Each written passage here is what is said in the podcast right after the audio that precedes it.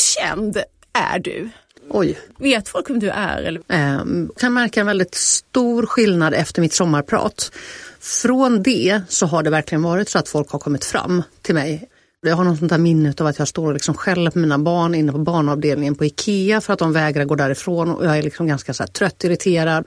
Och så kommer det fram en kvinna och bara, ja men hej, jag, jag är sakkunnig hos justitie, på justitiedepartementet hos justitieministern. Och jag bara, åh gud, uh. ja men hej vad roligt. så så, att det, ja. det, ja, så man ska alltid vara snäll mot sina barn. Vet aldrig när någon Nej. ser. Pocketpodden. En podd för dig som älskar pocket. Hej! Idag kommer Katarina Wenstam hit. Hon drar fram med strålkastare, röjsåg och förstås penna i den sexistiska sly som trängt upp mellan lagbokens snörräta paragrafer. Och Katarina vill prata om mäns våld mot kvinnor, men framför allt om hur det svenska rättssamhället skyddar förövaren och sviker offret. Och vi ska prata om hennes senaste roman Vargen. Och efter det tar vi en titt på Venedig-amerikanskan Donna Leons senaste Brunetti. Där har vi det. Jag heter Lisa Tallroth. Välkommen Katarina Wenstam. Tack så mycket. Väldigt roligt att vara här. Din första bok, Flickan och skulden, om samhällets syn på våldtäkten skrev ju du som journalist 2002. Jag har hunnit gå nästan en del år sedan. Ja. Och sen så debuterade du som skönlitterär författare fem år senare. Då hette romanen Smuts, handlade om trafficking och sexhandel. Och nu tror jag att det är nummer nio som jag håller i handen bland de skönlitterära böckerna. Det är det. Vargen. Men du har ju här genom åren varvat fackreportageböcker med skönlitterärt skrivande och du har aldrig släppt debatten. Vi ser dig återkommande och hör dig när det är bristen på jämställdhet som ska diskuteras och kanske framförallt den skeva synen på manlig och kvinnlig sexualitet. Så då tänker jag så här att, för man kan ju såklart hävda att det är väldigt stor skillnad mellan fackböcker och romaner. Mm. Men jag vet när det gäller dig så vet jag inte om det, den skillnaden är så himla intressant. Vad tänker Nej, du? Jag kan ju bara gå till mig själv och jag jobbar ju ofta i startskedet kring en bok, när jag gör research kring en bok. Där jobbar jag ganska mycket likadant oavsett om jag ska skriva en fackbok eller om jag ska skriva en skönlitterär spänningsroman. Det vill säga att jag gör research på ett journalistiskt sätt. Jag går in i det så som jag gjorde också på den tiden när jag jobbade på SVT och kanske skulle göra ett långt reportage på Uppdrag granskning eller Agenda. Så att om jag håller på med en bok någonstans mellan 12 månader och 18 månader så skulle jag säga att ett halvår i alla fall är ett rent journalistiskt arbete.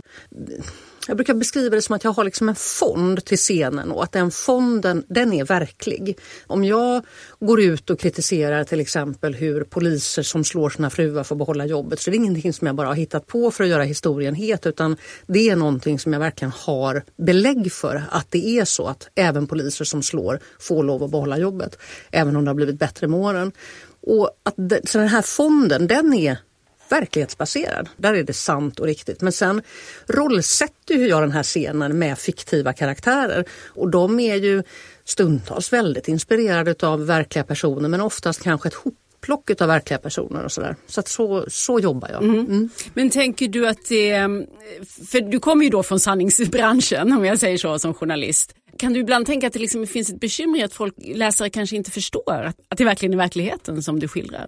Nej men jag tror att där är jag ju väldigt tydlig med som författare och det finns budskap i mina böcker. Att det finns verklighetsbakgrund till alltihopa och jag tror också att det förhoppningsvis känns i böckerna att det här är inte bara hittepå.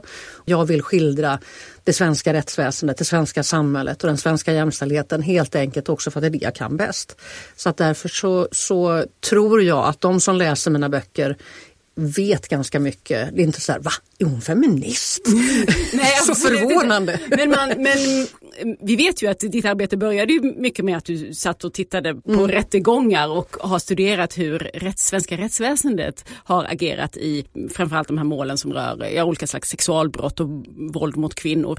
Så jag bara funderar på, är det så att man ska tänka att de rättsfall som vi också får följa i dina romaner, är de hämtade ur verkligheten. Ja, både, ja men det är de ju både ja och nej i den bemärkelsen att det är ju fiktiva berättelser men det finns liksom ett korn av verklighet i allting. Jag har ju jobbat med de här frågorna i, vad blir det, jag började på SVT 1997. Så det är 23 år, så under de här åren har jag gjort så otroligt många intervjuer, både med kvinnor som har blivit utsatta och med gärningsmän och personer i rättsväsendet. Jag har liksom så otroligt många historier som jag liksom bär på, som jag har i mitt minne eller som jag har nedskrivna och sådär. Så. Så din romanvärld då, den har du ju byggt utifrån dagens Sverige, dagens Stockholm rör vi oss i, i eh, Vargen. Och så har du befolkat den då med några karaktärer som vi har lärt känna vid det här laget. Det är poliskommissarie Charlotta Lugn. Hon kommer tillbaka här och det gör också advokaten Shirin Nouri. Ja. Och historien den här gången den spinner kring två mördade kvinnor.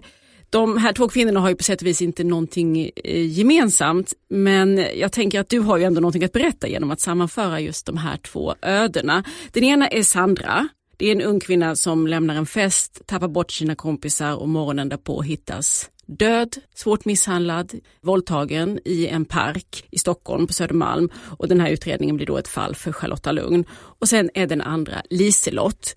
Hon blir huggen till döds med två köksknivar hemma i sin egen lägenhet. Och vad är det som har hänt Liselott? Berätta om henne. Hon har försökt lämna sin pojkvän. Det är precis som du säger, de här fallen har vid en första anblick ingenting med varandra att göra men det är just därför jag vill lägga dem bredvid varandra för att de, är, de sker geografiskt ganska nära varandra båda två på Södermalm. Båda två är två unga kvinnor som mister livet på grund av att en man dödar dem. Men det är så extremt tydligt att fallen blir så oerhört olika behandlade i media. Fallet med Liselott som blir dödad av sin, sin partner, eller före detta partner, är det i princip ingen som bryr sig om. Det blir en notis. Och rättegången när det gäller mordet på henne sammanfaller med när Sandra Krona hittas dödad i Vita bergsparken och som ju blir massmedialt hur stort som helst. Och det är ju så här, det är, jag är ju själv gammal kriminalreporter och vet hur vi journalister sprang på en viss typ av rättsfall. Om man tänker sig Lisa Holm så känner alla till det, en kvinna som, eller en ung tjej som blev överfallen och dödad på väg hem från sitt sommarjobb. Samma helg som hon blev dödad så var det en annan 16-årig tjej som också blev dödad utav en partner på ett hotellrum. Ingen känner till det fallet i princip. Så det här bottnar ju i det som har varit min drivkraft ända sedan jag skrev Flickan och skulden eller egentligen ända sedan jag började jobba med de här frågorna. Nämligen att vi i vårt samhälle, både i media, i rättsväsendet och också vi privatpersoner gör väldigt stor skillnad skillnad på olika offer. Vi tycker mer synd om en tjej som blir överfallen utav en man som hon inte känner än vad vi tycker om en kvinna som blir mördad av en man som hon har levt tillsammans med. Även om det också är så att man ska komma ihåg med den här tjejen Liselott. Hon har levt i en våldsam relation. Han har redan försökt döda henne flera gånger. Han är livsfarlig. Han har kommit ut från ett fängelsestraff och söker upp henne igen. Och det som hon gör, nämligen att hon försöker lämna honom, hon försöker göra slut, det är ju att hon följer rådet ifrån samhället som alltid säger till kvinnor i våldsamma relationer, du måste göra slut, du måste gå, du måste lämna. Och det är precis det hon gör och då det är då, det blir farligt. Då hugger han ihjäl henne. All forskning visar att det finns inget farligare tillfälle i en kvinnas liv än när hon försöker lämna en våldsam man. Och då överger vi henne på något sätt. Då står hon helt själv. Och det är också så tydligt då att när hon väl också blir mördad så är det på något sätt som att det är, det är bara ännu en liksom kort nyhetsrubrik. Ännu en kvinna som blir mördad av sin partner.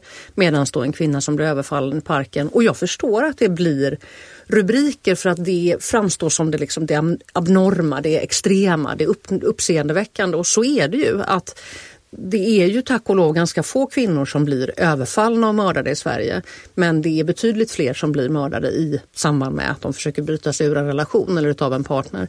Och det är därför jag brinner så starkt för det här. För den här snedvridningen skapar ju hos oss kvinnor en rädsla för att gå utomhus när det är mörkt. Men inte en rädsla för att vara i kontrollerande relationer med män som försöker på olika sätt begränsa vår, vårt livsutrymme.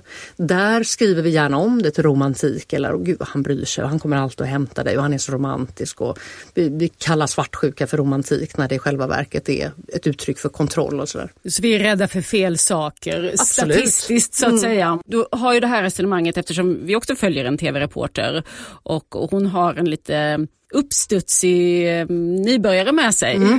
Eh, och de har ett resonemang här om vilken av de här historierna som egentligen är mest intressant. tänkte på det här eh, Leticia som den här unga anställda ja, säger. mot försöker- Jane. Jane Westerén, gammal och lite trött tv-reporter. Vad som någon sa, hon är lite lik dig. Ja det är hon kanske. De har då en diskussion om detta. Ja men det förstår du väl, säger Leticia och låter så präktig att Jane funderar på om hon kan hoppa ur bilen i farten men nu har de kommit ner i Klaratunneln på väg mot Centralbron. Stenen, fotografen, är tyst men Jane ser på honom att han lyssnar. Han verkar road. Så här, fortsätter Leticia, om vi hela tiden bara lyfter fram det som sticker ut från mängden och inte gör några reportage om det som vi tycker händer hela tiden, då skapar vi ju bilden hos våra tittare att de vanligaste morden eller för den delen våldtäkterna är de som sker i mörka parker med okänd gärningsman. Och de mord som sker hemma hos offret, som är bra mycket vanligare, de försvinner eftersom de inte är tillräckligt avvikande. Det onormala blir normen. Mm. Det finns en väldigt, eh, väldigt cynisk iakttagelse som, nu minns jag inte vem det är på redaktionen som gör det, om det är Jane Wester själv, den här reportern, men att också offrets utseende spelar Absolut. stor roll för hur, eh, hur intressant det blir att sätta upp bilden på löpsedlarna eller visa upp i, i tv-rutan. Ja, det har alltid varit så menar jag. Alltså som, som också gammal journalist kan jag se det och det, det är liksom någonting som det gör så fruktansvärt ont i magen bara att ens tänka på det. Men det har slagit mig genom åren att unga tjejer som är väldigt snygga som blir mördare, det blir ofta rubriker och löpsedlar och, och stort uppslaget kring det för att det, det funkar på något krasst oerhört cyniskt sätt på samma sätt som tidningsmakare ibland säger att det ska alltid vara en ung kvinna på framsidan på en tidning för då köper folk det. Samma sak gäller när det gäller morden. Att om det är då en, en snygg blond tjej, då säljer det också. Jämfört med ja, men så många rättsfall jag har jobbat med genom åren som är så här 55-årig kvinna, alkoholiserad som till slut försöker bryta sig loss ur en mångårig våldsam relation och så stampar han ihjäl henne. Ingen bryr sig, ingen gör en rubrik. Och det är fruktansvärt cyniskt, men så är det. Det här eh, historien om Liselott, den utspelar sig i boken till största delen i rättssalen och den här eh, före detta pojkvännen Kristoffer står eh, åtalad för mord. Och här blir det väldigt intressant. Här har du hittat någonting som du vill lyfta specifikt i den här boken. För nu visar det sig nämligen att ett mord nödvändigtvis inte bara är ett mord.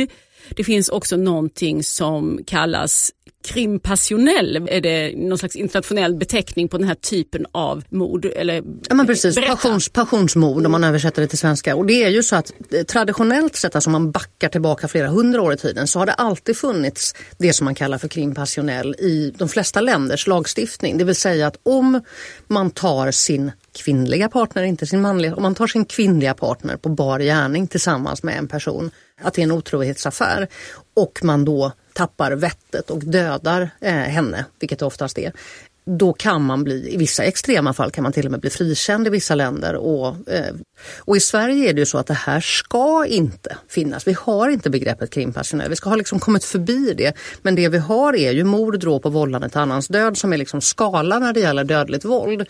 Och det som jag har kunnat se när jag har gjort research det är att det är väldigt ofta så att om det finns en relation eller har funnits en relation och mannen har dödat sin partner för att få ett mildare straff, vilket man om man tänker ifrån hans perspektiv, han gör ju förstås allt han kan för att inte åka in på livstidsfängelse. För de flesta män som har dödat sin partner erkänner för att de ofta är den som kanske till och med ringer till 112 och säger hon är död, ni får komma hit och hämta henne eller hon trillar ner för trappan eller vad det nu än kan vara.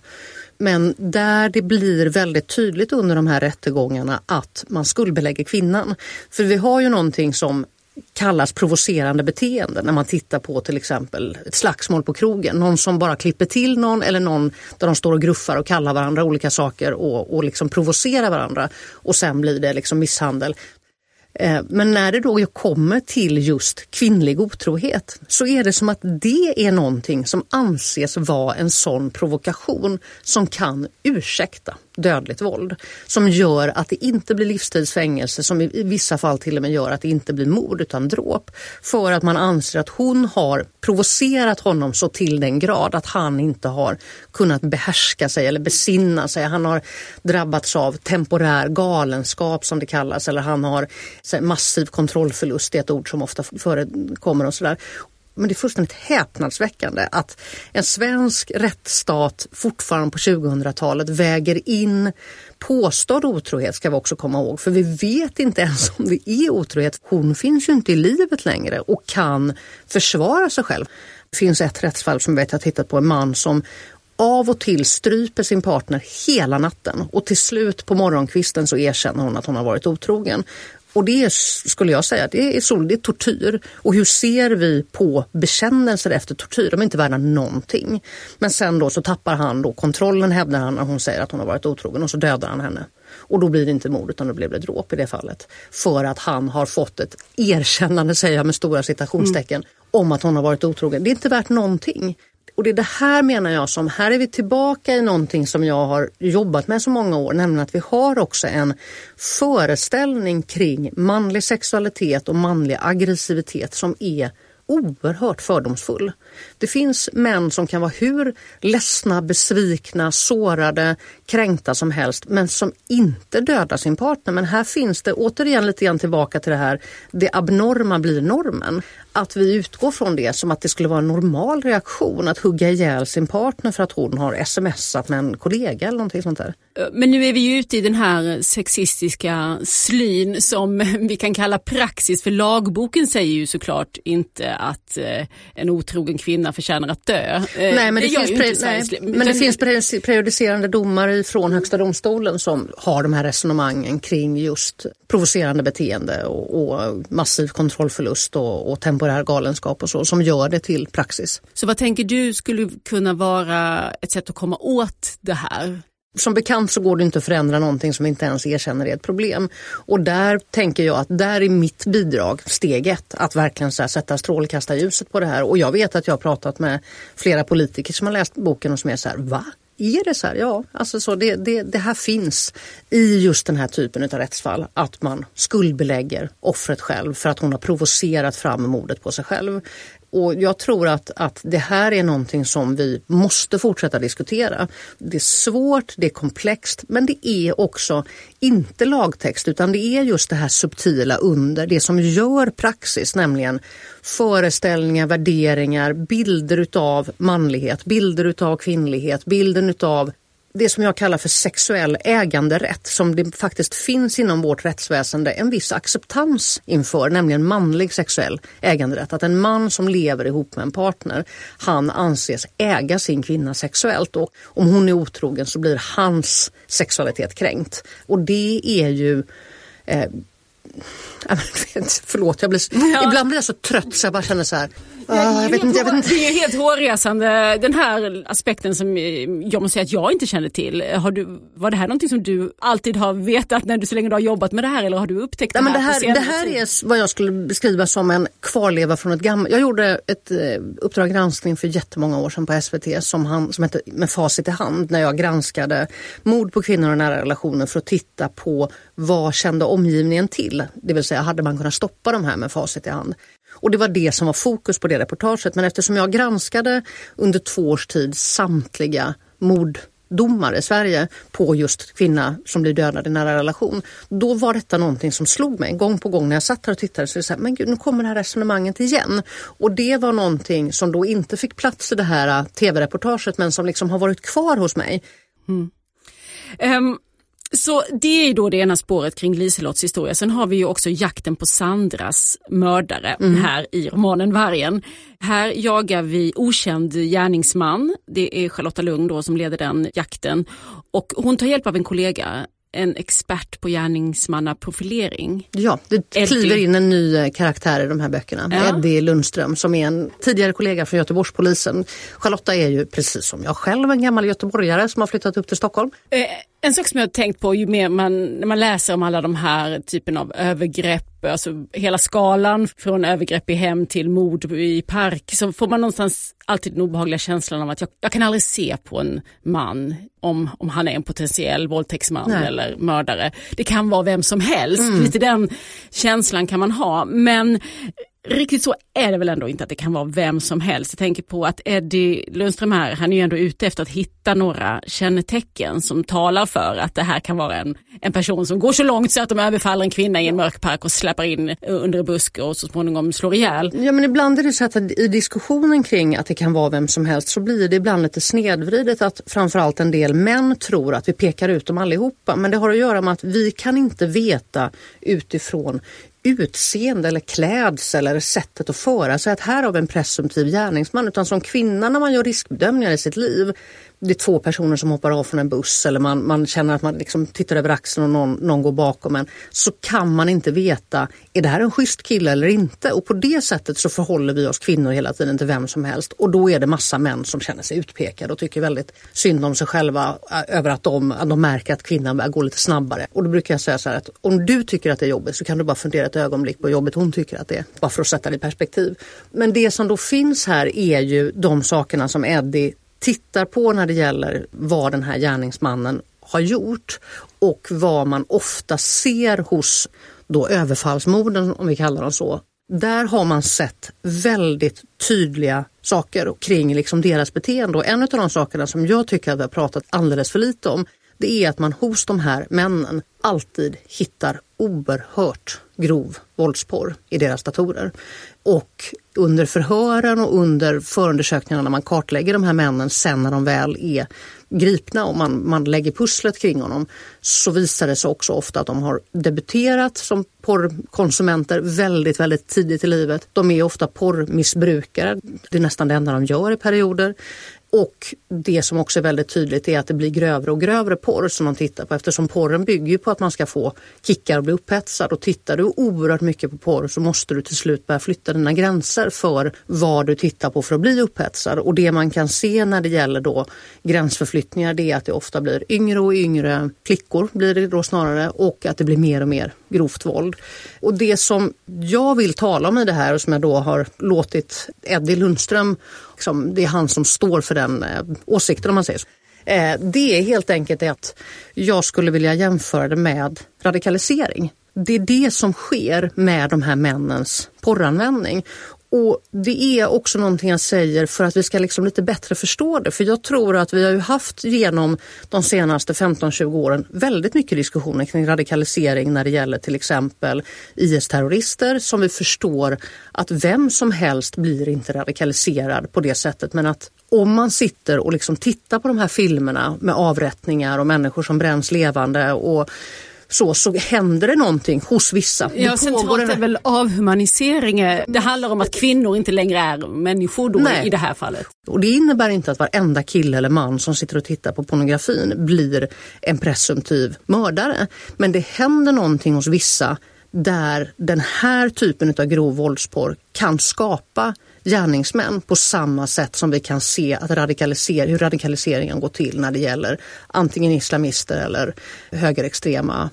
Men om eh, den här överfallsmördaren är en extrem, mm. som du har beskrivit nu, vilken slags värld han kan tänkas komma ifrån.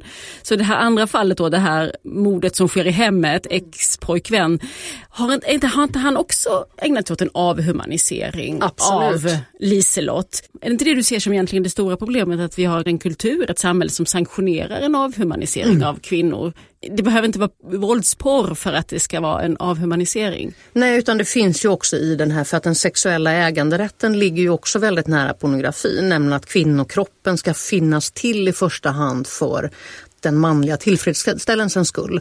Så att det, jag, jag kan hålla med om att i detta så finns det ju en likhet mellan den sexuella äganderätten, för den bygger ju på också en kvinnosyn som man kan känna igen också i porren. Mm. Det här du varit inne på nu med den grova våldsporren, för det, jag tänkte stanna lite vid Eddie där. I hans arbete ingår det ju att dyka in i de här mörka mm. världarna för att förstå vilka det är han har att göra med. Och du tar ju även in läsarna en del i det mm. här. Det är inte så många sidor, det är kanske fyra, fem sidor. Men det är oerhört plågsamt. Det, alltså jag klarar inte av att läsa det, Nej. kan jag säga helt enkelt. Det här är, jag vet inte ens om det porr. Jag, jag, tänker på det, det är mer tortyr, det är brutala övergrepp. Fast det är mainstream-porr i den bemärkelsen att, att det är det du hittar. Mm. När jag gjorde researchen kring det här, jag gick ner i ett, liksom en, ett mörker under ett halvår som jag kände så här till slut att det, det går knappt att fortsätta med det här. Liksom. Jag har suttit och tittat på filmer där jag har känt så här, jag vet inte ens om hon kommer överleva tills den här filmen är slut så som de håller på med henne. För att hon, och överlever hon så kommer hon få hjärnskador för hon har ingen som helst syresättning till hjärnan. För att det är liksom kön i munnen och näsan förhållen. Och, och alltså det man ska vara medveten om är, som jag tyckte var viktigt, jag har inte varit inne någonting på, liksom, på Darknet, jag har inte varit inne bakom några betalväggar. Jag har haft som grundinställning att jag ska titta på den typen av porr som jag själv eller för den delen då min son eller min dotter ska kunna hitta via sin mobiltelefon på tre klick. Och då är det så grovt. Det här är inte liksom någon konstig porr utan jag har tittat på filmer som har haft 600 000 visningar eller som har haft närmare en miljon visningar. Och, och apropå radikalisering och avhumanisering, om du som ung kille sitter och tittar på en film där de nästan tar koll på en tjej men det säljs in som att det här är sex. Och sen så ser du att det är 600 000 andra personer som har tittat på det här klippet och 76 procent av dem har gjort tumme upp. Vad tror du det gör med där man kanske först känner så här, det här är så äckligt så att jag liksom, så här kan det väl inte vara. Men uppenbarligen är det jättemånga som gillar det här. Och det är så försåtligt också mm. på det sättet att, att det, man, liksom, man använder sig av samma, som i andra sociala medier, samma funktioner. Eddie i boken här, han är ju djupt um påverkad av det här arbetet. Han är, han, han är ganska sabbad utav det. Han ja. har ju svårt att fungera själv mm. sexuellt till mm. exempel och jag tänker att man måste bli det. Det är ju lite därför jag, jag inte liksom mer än klar av att snabbkika på sådana här beskrivningar. Mm. För att jag vill inte ha de här bilderna i huvudet. Nej. Hur, hur har du själv hanterat det här? Jag har en bra relation, det skulle jag säga. Eh, det är nog det som, som för mig har varit idéräddningen. Att liksom, det, det blir någon slags motkraft till det. Men sen är det, och sen så har jag grävt väldigt mycket rabatter på mitt landställe med så här, mycket sten och mycket alltså så här, muskelarbete. Nej men faktiskt, jag kan, för jag ska inte hävda att jag alltid så här, åh det är så lätt att hantera allting. Nej, alltså så den här boken kände jag när den var färdig. Att, och då har jag ju ändå sållat. Jag har inte tagit med allting för att det går inte att ta med allting för att det, det mm, och, och, att jag vet ändå att det finns partier där som är så att man knappt liksom kan ta sig igenom det. Men det finns också, jag vet inte om du har tänkt på det, men det finns från min sida en väldigt aktiv skillnad i att jag beskriver inte de dödade kvinnornas kroppar överhuvudtaget. För det är någonting som jag personligen tycker att deckargenren gör alldeles för mycket. Att man i detalj beskriver hur de ser ut. Där lämnar jag ganska mycket till att vi förstår att de har blivit dödade och vi förstår liksom att det är grovt våld och så. Men utav liksom någon slags också respekt för dem, för att jag tycker att det är ett gottande många gånger i döda kvinnokroppar, så lämnar jag det därhän. Men däremot sen när vi kommer till pornografin, där känner jag så här, nej men där vill jag snarare verkligen beskriva grafiskt vad det är jag ser, vad det är du ser om du tittar på de här filmerna. För jag kan tycka ibland också så här, ja men om man säger till någon så här, ja så gagging liksom så. Det säger ju ingenting. Dels kanske många inte ens vet vad gagging, gagging är ju alltså att du trycker ner kuken så långt ner i halsen så att tjejen får svårt att andas och, och att du sätter igång kräkreflexen. Och vissa av de här filmerna är, går så långt. Och eh, Förlåt, nu har jag bara... Ja, ibland, ibland får jag ju eh, lite flashbacks och lite bilder som, som är... Nej, men det, det, det här är vidrigt på så många plan.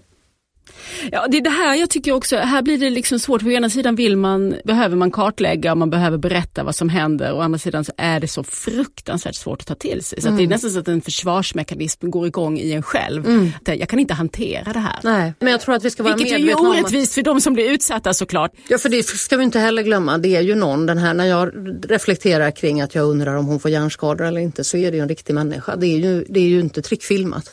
Och, nej, men jag tror att det som är som jag vill åstadkomma med det här med att faktiskt vara då väldigt grafisk och beskriva vad det faktiskt handlar om. Det är att vi behöver förstå att det här är vad våra tonåringar har i sina mobiltelefoner. Om, om vi bara åtminstone kan få ha en vettig diskussion med våra barn där de förstår att porr inte är sex. Kan, kan vi bara komma dit så har vi kommit ganska långt. Men vi är ju inte där. Det, det får vi ju hela tiden exempel på. Det är ju inte så att inte en tjej kan gå igång på gruppsex om det är frivilligt. Men liksom alltihopa bygger på samtycket här. Det är liksom det som är, som är hela principen. Men ingen ska ju tro att det här är liksom där man kanske ska starta sin sexualitet.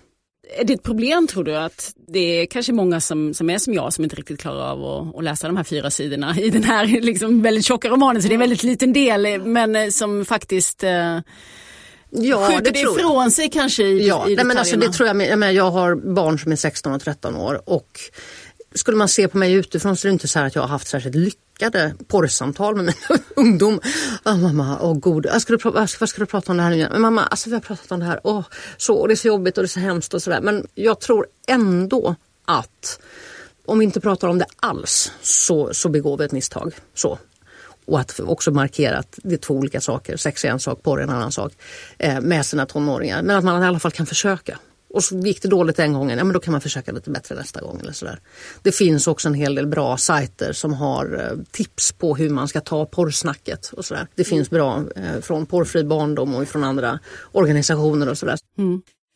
Vargen är ju aktuell som pocket nu, det är den vi har pratat mycket om. Men här i sommar, i augusti, mm. så är det snart dags igen. Yes. Eh, Dockorna heter nästa roman och det är fortfarande Charlotta Lugn och eh, Shirin Nouri som, som håller i trådarna. Mm.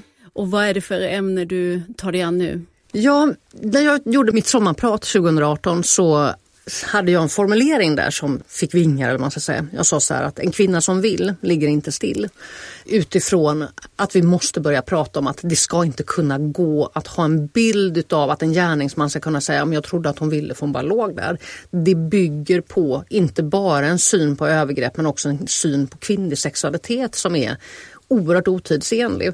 Och lite grann det har jag haft med mig i bakgrunden till den här boken som jag skrivit nu, Dockorna, som, är, som både utspelar sig i nutid och som också tittar tillbaka på några synnerligen misslyckade sexualbrottsutredningar 2003 i Göteborg när Charlotta var lite yngre och piggare än vad hon är nu och när eh, Eddie Lundström var nyutexaminerad polis. Och de misslyckas ganska grovt med några, med några anmälningar och vad det sen får för konsekvenser i nutid. Men också för att jag verkligen vill gräva i det här begreppet med, med en kvinna som vill, ligger inte still. Vad är det som ändå gör att det finns gärningsmän som inbillar sig själva att när hon ligger där still så är det liksom sex. Att man har den föreställningen om att en kvinnokropp är på något sätt sexuellt tillgänglig så länge hon inte skriker nej. För här tycker jag att vi har en sån otroligt viktig, svår diskussion som har att göra med inte bara de sexuella brotten utan det har också att göra med synen på sexualiteten. För att det, det kan lätt bli, menar jag när man pratar om liksom våldtäkt och allting fruktansvärt en kvinna kan vara utsatt för genom livet, som att vi bara skapar massa rädslor också. När det faktiskt är så att liksom sexualiteten är ett av liksom vårt livs stora gåvor. Det är ju fantastiskt. Sex är bland det bästa som finns. Och samtidigt så har vi liksom sådana stora problem med kvinnor som utsätts för saker som inte är som de inte har gett sitt samtycke till. Och vi måste liksom ha båda bollarna i luften samtidigt. För att också många gånger så är det ju så att tjejer som kanske då bejakar sin sexualitet eller tar för sig eller inte har, vad ska vi säga, inom citationstecken betett sig på ett sådant sätt som vi tänker oss att ett sexualbrottsoffer ska bete sig. Hon blir misstrodd om hon blir utsatt för ett övergrepp och, och sådär. Så att för mig så är de här två sidorna, liksom sexualiteten och sexualbrotten, de är på något sätt två sidor utav samma mynt. Så att vi måste hela tiden diskutera båda två. Mm. Ja, du har hittat ett eget utmärkt recept för att blanda folkbildning och debatt och moraliska diskussioner med, med spänning och dramatik som det ju också är i de här böckerna. Tusen tack Katarina Wenstam för att du kom hit idag. Tack för att jag fick komma. Pocketpodden. Nu en författare som jag har sett i mångas bokhyllor men faktiskt inte hunnit läsa någonting själv. Donna Leon är amerikanska men bor i Italien. Och Lisa Jonasdotter Nilsson, du har hennes senaste bok med dig. Ett högt pris heter den. Och eh, vad är detta? Ja, men Donna Leon är en riktig veteran i spänningsgenren. Jag ser henne nästan som en kompis vid det här laget. Hon har skrivit på serien om sin huvudperson, kommissarie Guido Brunetti, sedan 90-talet. Och nu släpper hon ett högst pris. Det är den tjugonde delen i serien. Och för mig är de här böckerna verkligen trogna följeslagare, särskilt i pocket. Hon skriver om Venedig, och det är lagom spännande skulle jag säga. Det här är liksom inte så hårdkokt eller obehagligt. Det är mer en slags samhällsanknuten spänning. Och Brunetti är en väldigt sympatisk huvudperson. Miljöerna är ju underbara. Samtidigt lär man sig mycket om det italienska samhället när man läser. Man får inblicken i det här liksom nästan lite korrupta systemet och nätverket av politiker, maffia och medier. Och det skildrar Daniel Leon väldigt insatt och skickligt. Och bland annat så hamnar sällan skurkarna eller de kriminella i de här berättelserna i fängelse, för så ser det ut i verkligheten. Du sa det att hon inte, faktiskt inte är utgiven i Italien. Kan det finnas något eh, samband med det kanske? Och skildra det lite för realistiskt? Ja, så kan man ju absolut, man kan fundera över det. Jag tror att den verkliga anledningen snarare handlar om att hon vill behålla sin anonymitet där eller känner sig liksom för jag menar en italienare kan ju lika gärna läsa hennes böcker på engelska om, om han eller hon skulle vilja. Men eh, absolut, man kan ju fundera över om, eh, om det kan vara så att hon känner sig lite ja, som en sanningssägare. Det som händer i den här historien då, den tjugonde delen i serien, ett högt pris, är att en ung kvinna, det börjar med att en ung kvinna återvänder från semestern eh, till Venedig och där hittar hon sin granne som är en äldre dam död på golvet. Och då dras Brunetti in i den här utredningen och upptäcker att den här döda kvinnan då har varit väldigt engagerad i en kvinnojour. Och hennes lägenhet har fungerat som en fristad för utsatta och utnyttjade kvinnor. Men när Brunetti börjar söka svaren så stöter han på en historia som sträcker sig väldigt mycket längre tillbaka i tiden än vad han hade kunnat ana. Och det han upptäcker är en härva av eh, lögner och bedrägerier. Det är väldigt eh, intressant. Det här är en ovanligt bra Leon-deckare. Och detta från ett riktigt Donna Leon-fans då, som jag förstår att du är. Ett högt pris heter den här senaste. Tusen tack Lisa Jonasdotter Nilsson. Tack. De senaste veckornas Black Lives Matter-demonstrationer har fått mig att tänka på Jason Diakités bok En droppe midnatt som kom för ett par år sedan. Högaktuell läsning och en fruktansvärt bra familjebiografi. Jag tänkte höra hur Jason har reagerat på vårens händelser och det blir det nästa vecka här i Pocketpodden. Tills dess, följ oss gärna i sociala medier. Där heter vi Älska Pocket. Och jag heter Lisa Tallup. Hej då! Du har lyssnat på Pocketpodden. En podd från Bonnierförlagen.